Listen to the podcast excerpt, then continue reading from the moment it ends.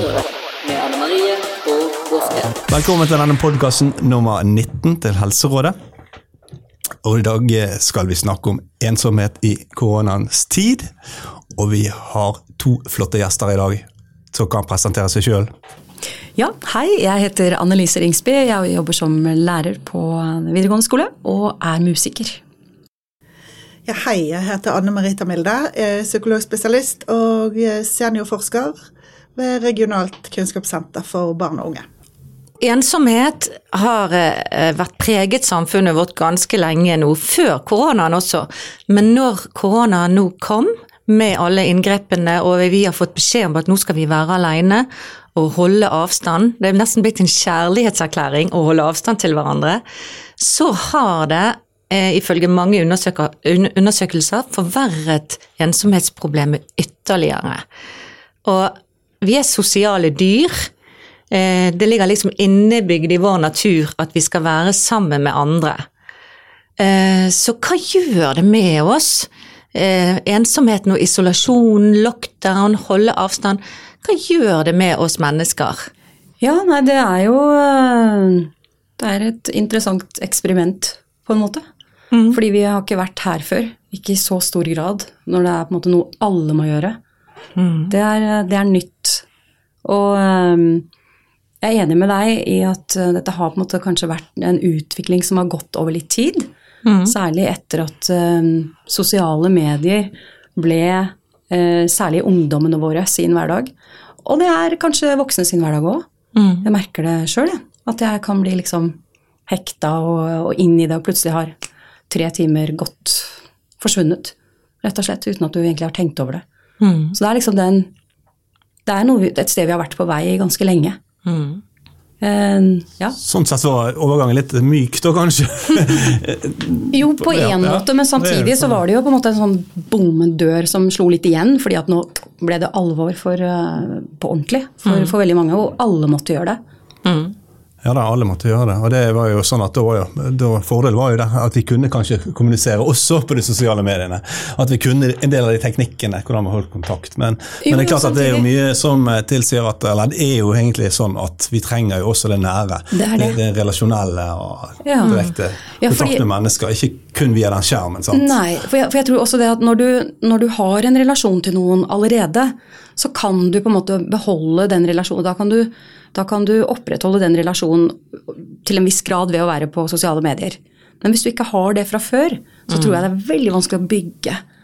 Um, fordi at det er, for vel, det er for mange usikkerhetsmomenter, ikke sant, hvis vi vet at uh, Det forsvinner noe på veien? Ja, nonverbal kommunikasjon er ja, 90 3% har jeg hørt. Mm. Ikke sant? Det er uh, noen som mener at nonverbal kommunikasjon er 93% av vår kommunikasjon. Så det betyr bare ordene er da 7, mm. 7 okay. Og det er ja, jeg vet det. Hva heter hun igjen, da? Tarandiko? Taran, ja, mm, Tardanico heter hun. Ja, en uh, som har sagt det. Mm. Uh, og jeg synes det, det, er et veldig høyt tall, overraskende høyt tall. Så jeg tenkte wow, kan det stemme? Ja, men, uh, det, men det er sikkert eh, noen, Du kan sikkert finne det du leter etter på de der forskningene der, vil jeg tro. Det er litt, det er litt variabelt. Ja, men, men, at, men at nonverbal kommunikasjon er eh, en viktig del av vår kommunikasjon. Det er helt riktig. Mm. Og den største delen av vår kommunikasjon. Ja, ikke sant? Mm. Mm. Ja, Så det er helt rett. Så vi mister en del eh, informative tilbakemeldinger som er veldig viktige for oss på det emosjonelle plan, tenker jeg, når det blir eh, skjerm, mm. og ikke den fysiske nærheten og kontakten, så tror jeg nok at det kan være vanskelig når um, det er noe vi ikke kan velge. Mm. Altså når valgfriheten vår plutselig innskrenkes, uh, og vi blir um, plassert i en situasjon som for oss er rimelig unaturlig i mm. utgangspunktet, ja. så tror jeg nok at de aller, aller fleste opplever det som veldig utfordrende. Men der òg er vi jo vi, vi, er jo forskjellige, men jeg tenker at eh, det er riktig som ble sagt innledningsvis, at det rammer veldig mange. Og spesielt når vi ikke vet når det skal ta slutt. Det det, jeg tror kanskje den uforutsigbarheten eh, nesten kan være vanskeligere å forholde seg til. Ja. Mm. For vi liker eh, forutsigbarhet. Sant? Vi mennesker vi søker svar hele tiden. Vi søker etter systemer, vi søker etter forklaringer, vi søker etter um, på en måte noe som kan gi oss bekreftelse. For det handler om trygghet, et sånn iboende behov vi har. Og når den forsvinner, så kan det nærmest bli en slags sånn eksistensiell angst. sant? Eh, For det er noe som er så mye større enn vi selv rår over. Eh, Og det, det tror jeg for veldig mange kanskje er det vanskeligste. Men dette merker vi på eh, skolen også, som lærerne sier, er jo at eh, de elevene som du hadde i fjoråret, de som begynte på normalen, de har jo du en relasjon til, sånn som du snakket om i sted, at de har, det er lettere å holde kontakt med de, du kjenner de, for det ligger så mye informasjon i den direkte kontakten. Eh, Sånn at det, det blir jo, De fikk litt sånn dårlig start, disse som kom nå, rett inn i disse her nedstengningene, sant, som ikke har gått eh, De forrige hadde jo gått nesten et år, eller tre fjerdedels år, sant, og, hadde, og det var en enormt stor forskjell på det. da.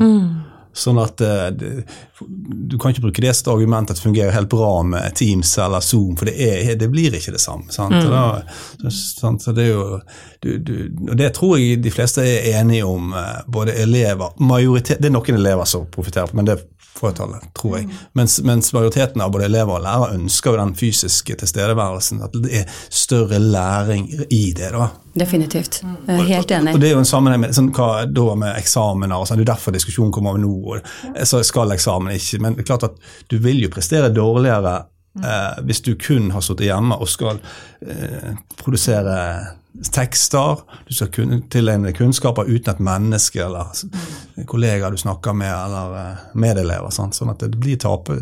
taper. Sånn kunnskapen også blir tapt, tror jeg. Det, det var jeg som sa at, at en lærer som sa at uh, man mister eh, den kondisen på skolekondisen.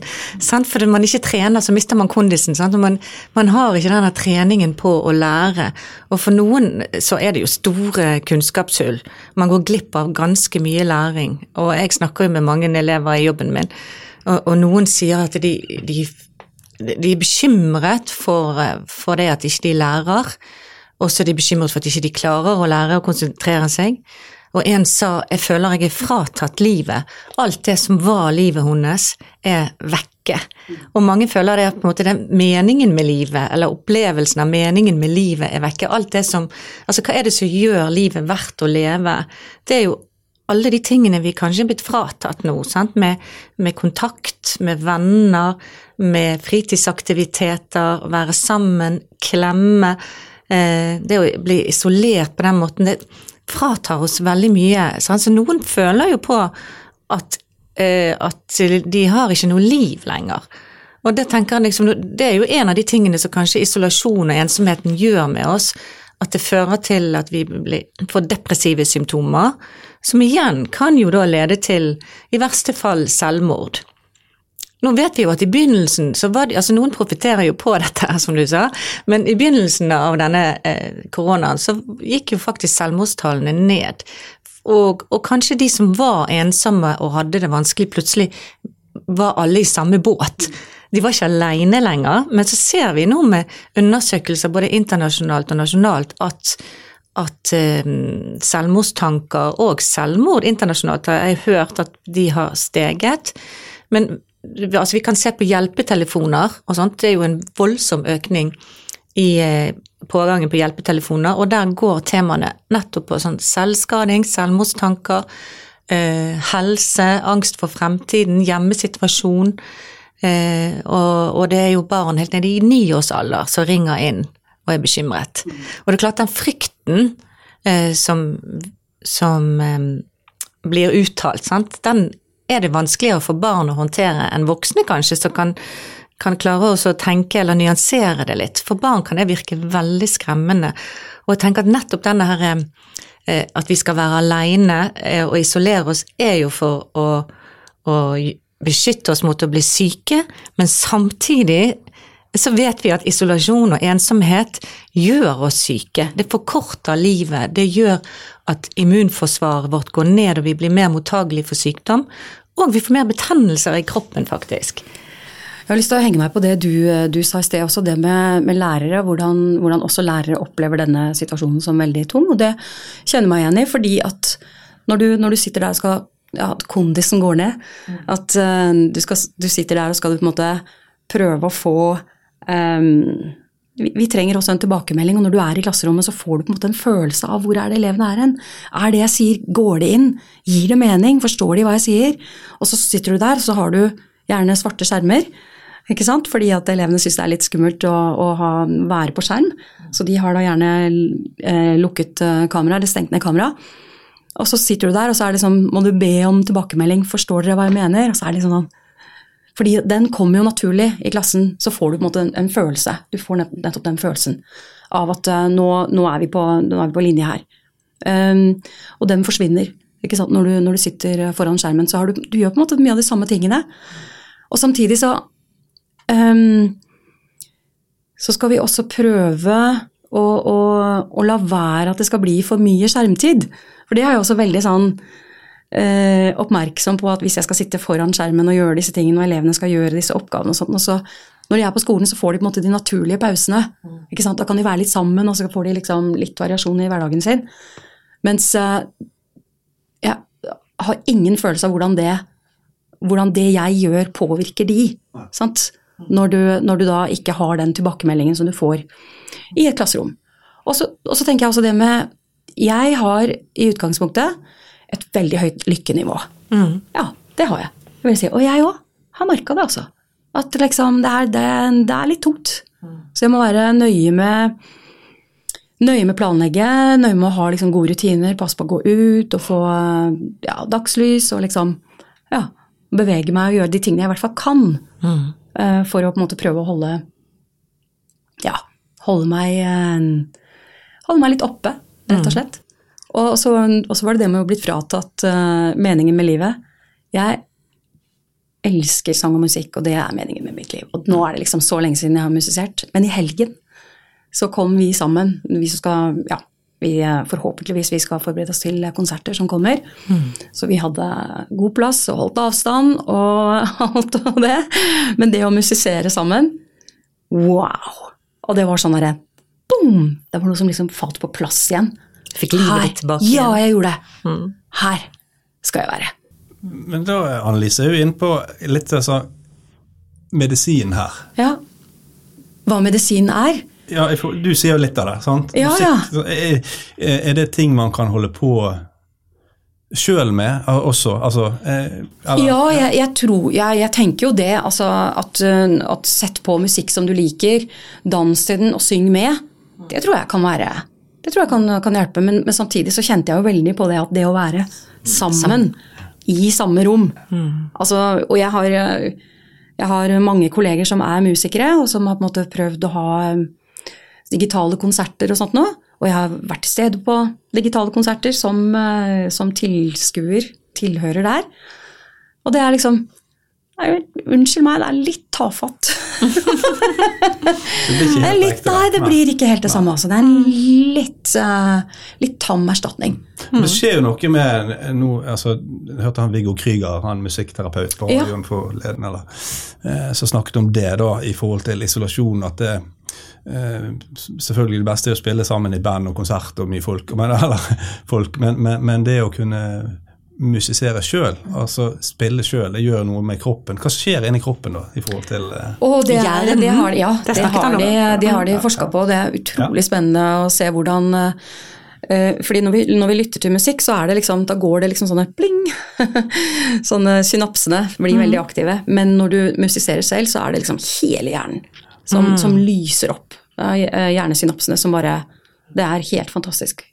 Mm. Mm. Så, så, det er jo selvfølgelig en fordel for de som, eh, som kan spille selv. Um, men det produserer noen lykkehormoner, endofiner eller oksytociner eller et eller annet som er velværehormoner når ja. du musiserer eller Med kunst også. Mm. Og naturen gjør jo akkurat det samme. Mm. Og en klem. Når ikke vi kan klemme, så kan vi synge. Ja. Og gå ut. Ja. Hva sier du, psykolog? Absolutt, helt eh, enig. Jeg tenker at det som vi liker å gjøre, og det som får oss til å føle oss uh, vel i oss sjøl, det får hjernen til å sprute masse gode hormoner. Som eh, gjør at vi kjenner oss eh, bedre enn eh, kanskje vi gjorde når vi var aleine, eller ja, ikke fikk gjøre det vi fikk til, eller ja, fikk tilgang til andre mennesker, f.eks. Sånn som nå, eh, når det er så mange som er, kjenner på den. Men jeg, jeg er litt opptatt av det der med hvordan man eh, ser på det her med ensomhet. Eh, for det er jo ikke sånn at det er for mange det samme som å ha veldig mange rundt seg. Jeg tror det er litt viktig å, å, å understreke at dette med ensomhet er veldig subjektivt. Og veldig individuelt. Så det er ikke sånn at vi på en måte kan gå rundt og, og, og fortelle andre at eh, ja, men du bør jo være takknemlig for du har en familie.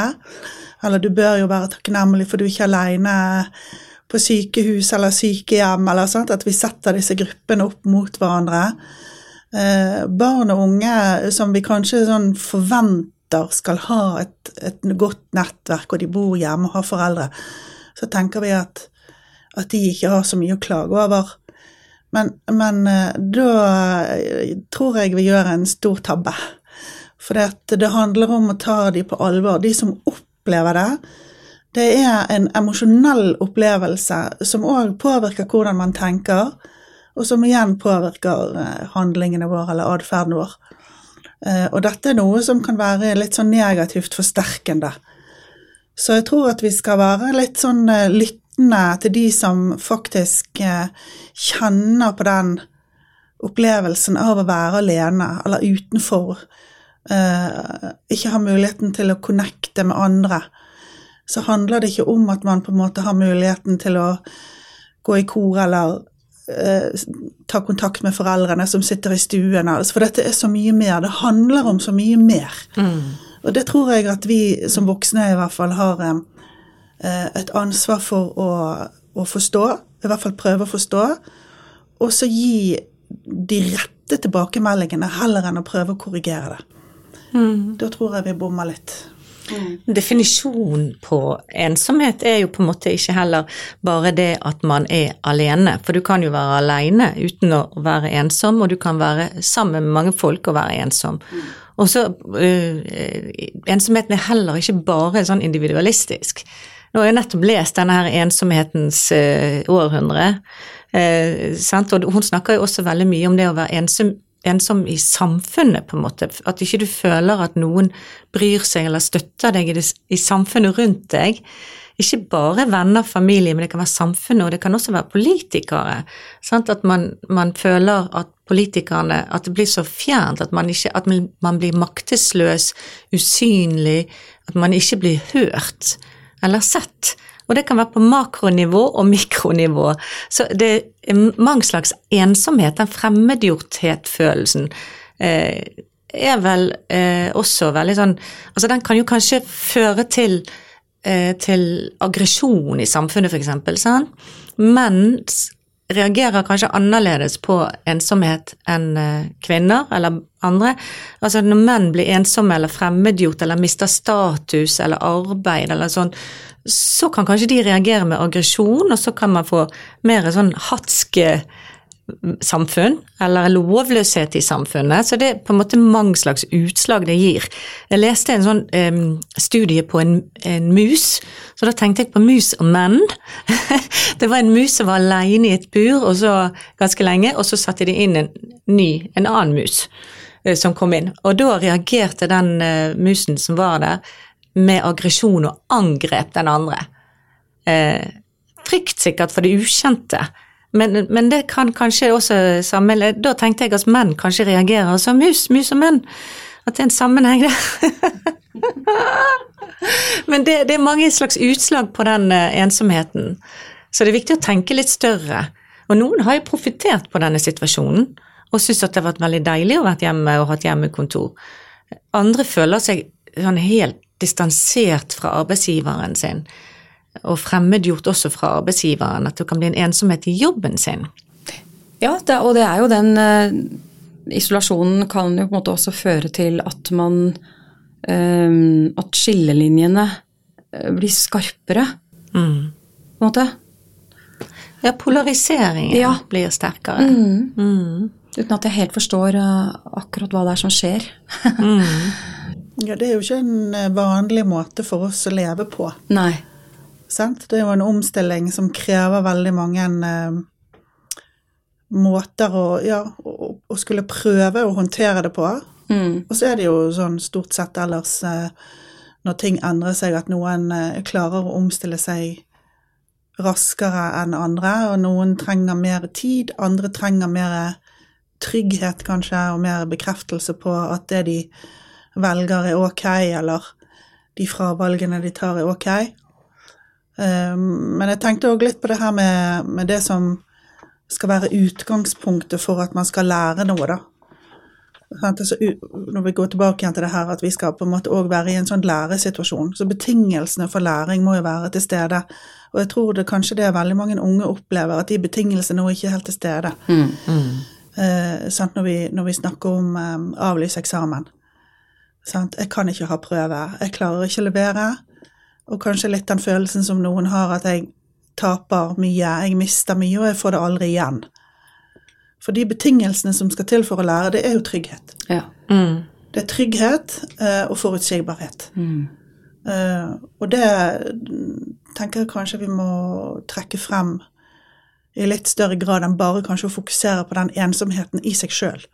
For dette er noen betingelser som skal til her for at det skal Det er vel også sånn at det er vel litt sånn urett, litt sånn skjevfordeling her også, sant, i seg sjøl. For det de som har eh, mest behov for trygghet og forutsigbarhet og eh, vanlige hverdager, det er jo de som blir taperne. sant?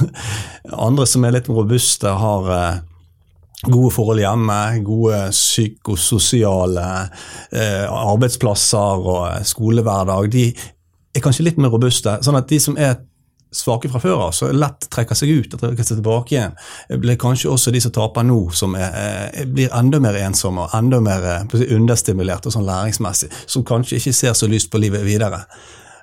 Men, jeg Ja. tror, men jeg tror det er et problem for, for alle.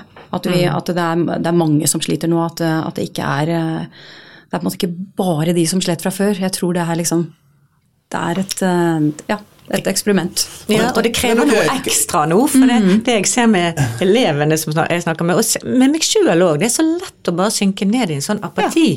Ja. det blir sånn åh, nei. Altså, du orker ikke det, nei, jeg gidder ikke det. Du kan gå en tur, du kan gå på et besøk, besøk, men så, så krever det veldig mye ekstra. Det krever litt sånn viljestyrke, for det er ingen som drar deg i gang. Du må gjøre alt sjøl. Mm. Okay, hvordan, eh, Hvis du har da, en viljestyrke, Du har vært eksempel musikk her og forming. Du, altså, hva andre har vi ideer som vi kan, hvis vi skal stimulere litt grann til eh, Lys er jo en sånn ting som er rett og slett lurt. sant? Lys, nå, nå er det mørkt til vinter. Og, og det er jo det vi sier, eller jeg sier til deg. Ut, ut, ut. Gå over den milen, den dør- dørterskelmilen. dette, sant? Eh, sant. Kom for det, det hjelper, det skjer noe i hjernen din. og det har noe. Jeg spurte en kollega fra et annet land. Hva faen? Det er ut å få luft i lungene! Jeg skal ikke si hvem jeg snakket med. Kast masken og gå. Kom deg ut i naturen. ja, luft i Ja, lungene og luft og lys inn inn- inn i, i knål. Altså. Ja, ikke sant? Og da, og da når, du- når du da da skal ha Teams-undervisning, og elevene skal være på Teams fra klokken halv ni om morgenen, så, så fratar du jo på en måte den muligheten. Da ikke sant? Hvordan, skal vi, hvordan skal vi gjøre det, da? Altså, ok, nå er vi jo nå er det gult nivå hos oss, men nå er vi jo på skolen, heldigvis.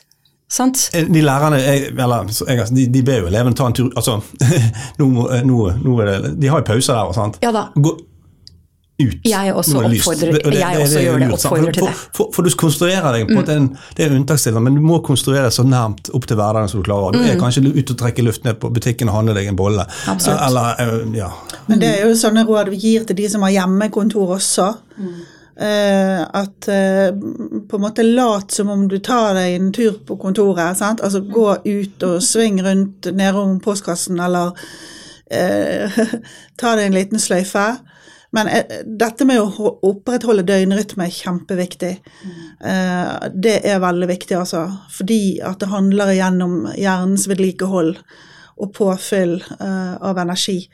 Og da er det å opprettholde døgnrytmen eh, helt essensielt. Så det med å stå opp om morgenen, eh, komme seg inn i en sånn rutine, ta seg en dusj og kle på seg klær, ikke sitte i pyjamasen Eh, sant? Eh, eh, og så gjør man på en måte dagens økt sånn som man ville gjort ellers. Og så tar man pauser, man spiser lunsj, eh, man tar seg en kopp te. Eh? Man sjekker kanskje litt andre medier innimellom, og så gjør man seg ferdig med dagens økt, og så har man fri. Og da skal man gå ut, da skal man prøve på en måte å ha kontakt med, med venner eller med, med andre, sant? Eh, sånn som det er mulig å ha. Og det med å gå ut, selvfølgelig. Viktig. Ja, for det er jo muligheter der. Altså, må, vi kan si at det, selvfølgelig det er veldig dumt, men det å presse seg inn i de tingene er jo grådig viktig. Du kan gå ut med venner, du kan gå på tur på Fløyen. Nå har det vært aking på Fløyen, så ble det kanskje litt for mye folk. skal men, men du, det er ting å gjøre der ute, og det er jo viktig å benytte seg av de der mulighetene som er. sant? Det er an å ha klubb, du går an å sitte med, med altså, sovepose rundt et bål. altså du kan, Det er jo de tingene der for, for å få det der lyset og få Jeg tenker det er, ikke, det er kjempeviktig. Og så igjen litt sånn innledningsvis så ble det sagt noe om isolasjon, og vi er jo ikke isolert. Sant? Altså det er forskjell på å ha begrenset med sosial kontakt og være isolert. Eh, det som vi i hvert fall innenfor fagfeltet mitt tenker på som isolasjon, det er jo mye mer alvorlig. Altså, da er man på en måte virkelig sånn fratvunget enhver mulighet til å ha sosial kontakt. Sant? De som f.eks. sitter innelåst 23 timer i døgnet på en celle og har én time lufting. Eh, men, men, dette er jo ikke der vi er. Sant? Så jeg tror, tror vi skal korrigere oss sjøl litt når vi, når vi snakker om isolasjon. For det er bare med på å trekke ned litt den situasjonen vi står i. Sant? For det, så gale er det ikke. Uh, for de aller, aller, aller fleste av oss sant? så har vi muligheten til å ha god kontakt med, med andre. Og ja, det, det tror jeg faktisk ja, ja. Det var en veldig fin korrigering, tror jeg. Jeg tror faktisk også det å, å, Akkurat det å ta kontakt med andre er jo også noe som kan hjelpe. Altså, eh, vi vet at det å gi omsorg og vennlighet og, og bry oss om andre faktisk gjør like godt for deg som å få det sjøl. Altså, den største gleda er å gjøre andre glad, eh, var det en dikter som sa. Sant? Og det, det, er på en måte en sannhet i det, at det, det, det gir deg de samme gevinstene. Eh, så, og, og, kanskje ha litt av den tidsalderen, den individualistiske tidsalderen som vi har levd i, som har gått litt på me, myself, I. sant? Altså den at veldig sånn selvopptatte uh, tiden vi egentlig har vært i, at det har gjort at vi har brydd oss mindre om andre, eller vi har mindre av denne fellesskapet fra før av korona. Altså mindre solidaritet, samhold og sånne ting. Du kan bare se det i musikken, du som er musiker. Eh, på, altså Tidligere, da, jeg skal ikke si akkurat men så var det mye mer sånn vi og oss og sammen, altså We Are The Champions, for eksempel. sant? Og, og nå i de siste tider eller nå, Før koronaen også, så har det vært mer sånn I, eh, meg, meg, altså me, myself, I, på en måte. Det er litt mer av den i musikken. Ja. Har du merket det? Ja, mm. uh, absolutt. Og, um, og, det er jo på en måte også et, et problem hvis det, hvis det, er liksom jeg, jeg, jeg. Mm. Og da blir det målingen på en måte um, Hvordan man um, Hvordan det blir tatt imot, da. Og jeg hadde noe her. så forsvant det litt. Det kommer, det, det kommer tilbake. Det dukker sikkert opp igjen. Det kommer nok tilbake, fordi uh, Jo, det, det, som er, det, som er, noe av problemet, er at jeg tror at mange, mange, uh, mange ser så veldig utover måte, for å lage identitet. De ser på andre, uh, og da er det jeg Alle sier jeg, jeg, jeg.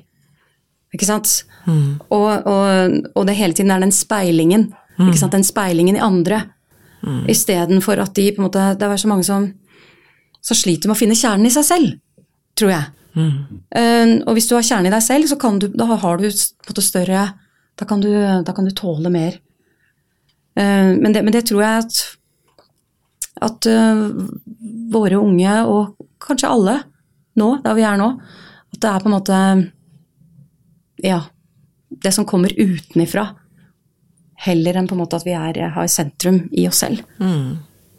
Det viser jo seg også at de som eh, på en måte, eh, selv om man er alene, de som klarer å finne på nye ting hjemme Ja. altså eh, Når man er hjemme, så er det kanskje noen som bare sitter der med den fjernkontrollen og ser serie etter serie etter serie. Men de som klarer å på en måte finne på noe kreativt, lære seg å spille et instrument, lese en bok, male, finne på noe nytt hjemme, viser seg at de klarer seg veldig mye bedre. Ja, for du tenker at det å lese en bok, det er faktisk veldig kreativt. Det er veldig kreativt. For Ja. da må du lage de bildene selv, istedenfor at du får de servert. Sant? Og jeg ble så glad da jeg kom hjem og datteren min satt og hørte på klassisk musikk og malte. Oi, oi, oi! Det var jo miljøskadelig. altså, Jeg kom på den, Det skjer noe hjernen igjen. Ja, det gjør det. Jeg kom på når du sa i sted med Det, setter litt perspektiv, annet perspektiv når du sier at eh, når du skryter med på jobben at du gjør det for din egen del. Eh, Jeg vet ikke hva jeg skal tenke om det, akkurat.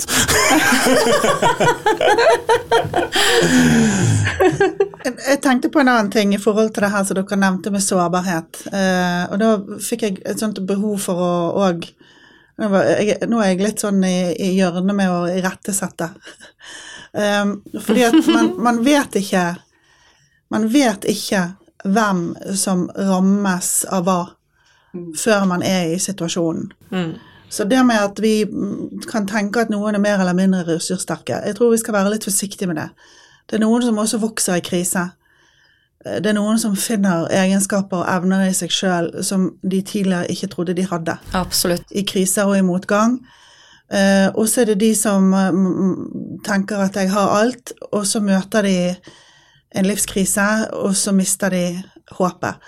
Så eh, jeg har bare litt sånn behov for å understreke at vi, vi skal ikke liksom putte noen i, i kategorier. For det har ikke vi forutsetninger for å gjøre. Men jeg, jeg tenker at vi skal heller løfte frem eh, det at det er muligheter for alle under de rette betingelsene og forutsetningene for å ta imot eh, læring, for å ta imot vennskap, for å ta imot kjærlighet. Det, det, det utgangspunktet har jeg i hvert fall. Eh, som en sånn Det er universelt. det er universelt, ja. sant? Som en sånn rettesnor for meg, i hvert fall i mitt arbeid. Uh, at det er et, et godt utgangspunkt å ha.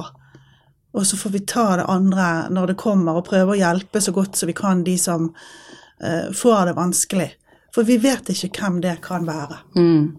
Det er et veldig godt poeng. Og at vi, jeg merker det sjøl, og at jeg på en måte em, har en tendens til å snakke litt sånn negativt om den situasjonen, selv om jeg ofte ser på glasset som halvfullt heller enn halvtomt. halvtomt. Men at, at vi kan kanskje se på det som en mulighet, da, der vi er nå, til å lære noe og forstå at um, Ja. At, vi, at, eh, at alle har ressurser som, som kanskje kan hentes fram, nettopp fordi at vi er i den eh, at vi er i en vanskelig situasjon. Så, så kan hende det våkner noe i, eh, i andre som de ikke visste. Er det solidaritet da du tenker på? Ja, At vi det- hjelper hverandre, vi er et kollektiv, står sammen og til felles tenke Jo da, og det er, det er så mye uh, rundt det, altså Um, å, å forstå de behovene vi har, som vi kanskje ikke så så tydelig før.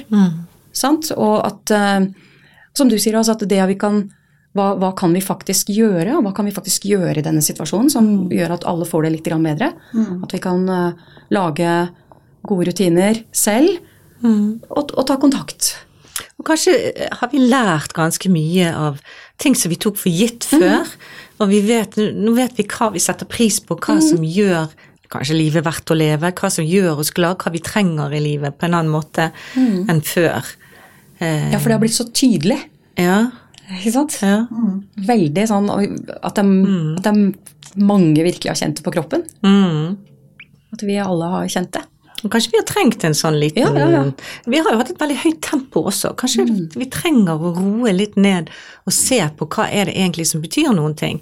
Altså de, de mykere verdier i samfunnet, da. Det å bry seg om hverandre, det å vise det. Det, det er jo sånne lange eh, studier på lykke, den store lykkeundersøkelsen kjenner du sikkert til, Anne Marita, eh, der de har fulgt folk fra helt til de er 70 år, på en måte, helt fra de var ung. Men det som jeg husker fra den, er jo på en måte det at det som gjorde folk lykkelige, var jo relasjoner. Eh, sant? Og eh, ikke bare familie og venner, men også de, alle de relasjonene, de som du på en måte, kanskje sånne svake relasjoner som du ikke tenker så mye over, men det er på en måte å, å klappe katten i gaten, snakke med naboen, snakke med den på butikken, de små samtalene, det å på en måte føle en slags tilhørighet i samfunnet rundt deg også. Eh, det er små ting, men det betyr utrolig mye. Eh, Det var jo også sånn med den første nedstengningen var en del som slapp litt med At du senket tempoet litt i familien. Altså Du slapp å føle og kjøre og bringe, og ungene skal 'Jeg slippe trening i dag.' Ok, det var litt deilig. Ja, slipper å leks. Ja, alt litt sånn. At du fikk litt sånn Det var den første greien, altså. Eh, at det var Men jeg kom til å tenke på noe eh, i forhold til det med å skape hverdager. Jeg, altså Ha sånn rutiner. Jeg husker jeg var på en forelesning med en fotograf eh, som fotograferte krigen i i Kosovo der, og det, uten sammenligning for øvrig. Helt jævlig ting som skjedde der. Eh, Der, eh, der de kom og tok bilder og dokumenterte den her unntatt. De fant jo ikke vann. Det, altså det var jo skikkelig tragiske ting som skjedde der. Og så er det rett og slett eh, hva kan, når de skulle komme tilbake igjen, fotografer var hjemme i Norge, eller og så kom tilbake igjen der, og hva kan vi ta med tilbake igjen? Og så var det noen av dem som tar med neglelakkfjerner. Så tenkte han der fotografen å ja, det er sikkert noe smart de bruker den neglelakkfjerneren til. Et eller annet sånt for å skaffe seg et eller annet selv.